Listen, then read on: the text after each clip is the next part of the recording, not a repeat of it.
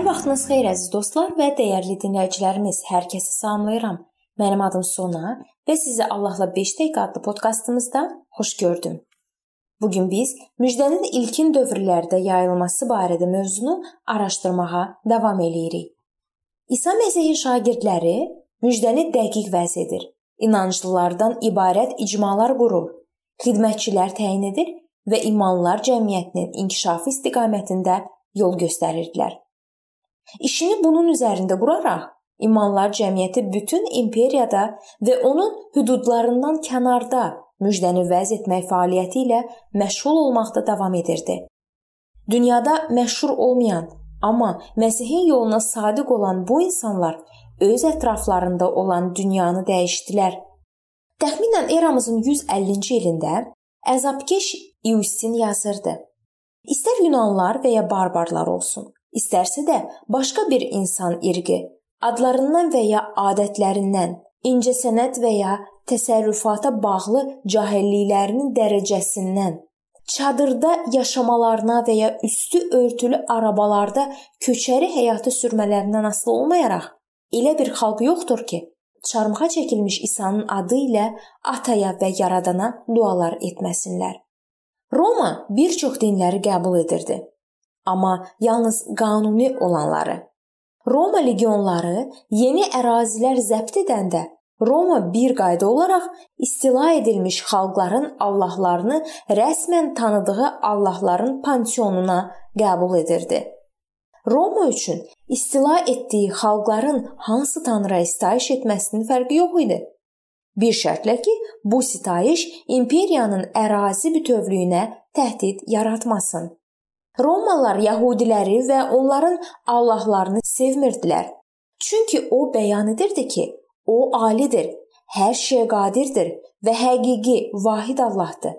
Romanın iudaizmi icazə verilən din hesab etməsinin müxtəlif səbəbləri var idi.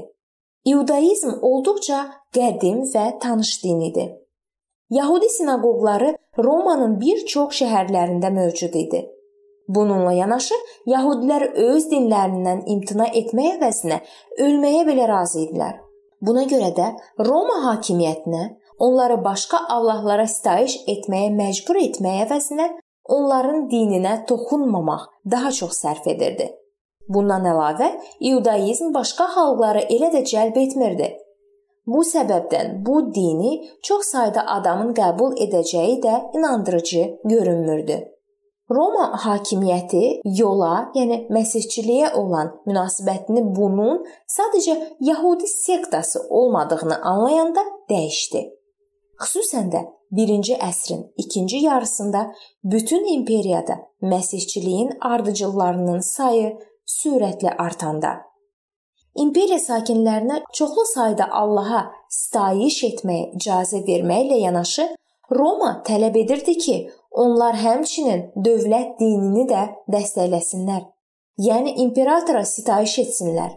Bu həm artıq həyatda olmayan imperatorlara, həm də bəzən hələ ki sağ olan imperatora sitayiş etmək demək idi. İmperatorlar heç də özlərini Allah hesab etmirdilər. Bir qayda olaraq onlar özlərini tanrıların siyahısına salmırdılar. Amma 300-cü ilədək müxtəlif dövrlərdə bütün romanlardan gözlənti var idi ki, onlar imperatorun dahiliyinə buxur yandırsınlar.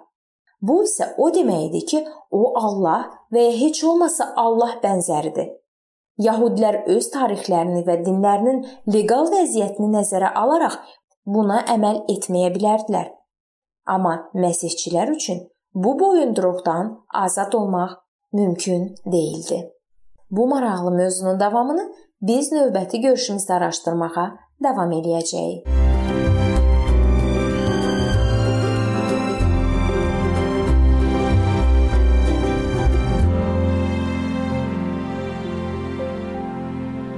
Beləliklə əziz dostlar, bu yerdə bu mövzu sona çatdı.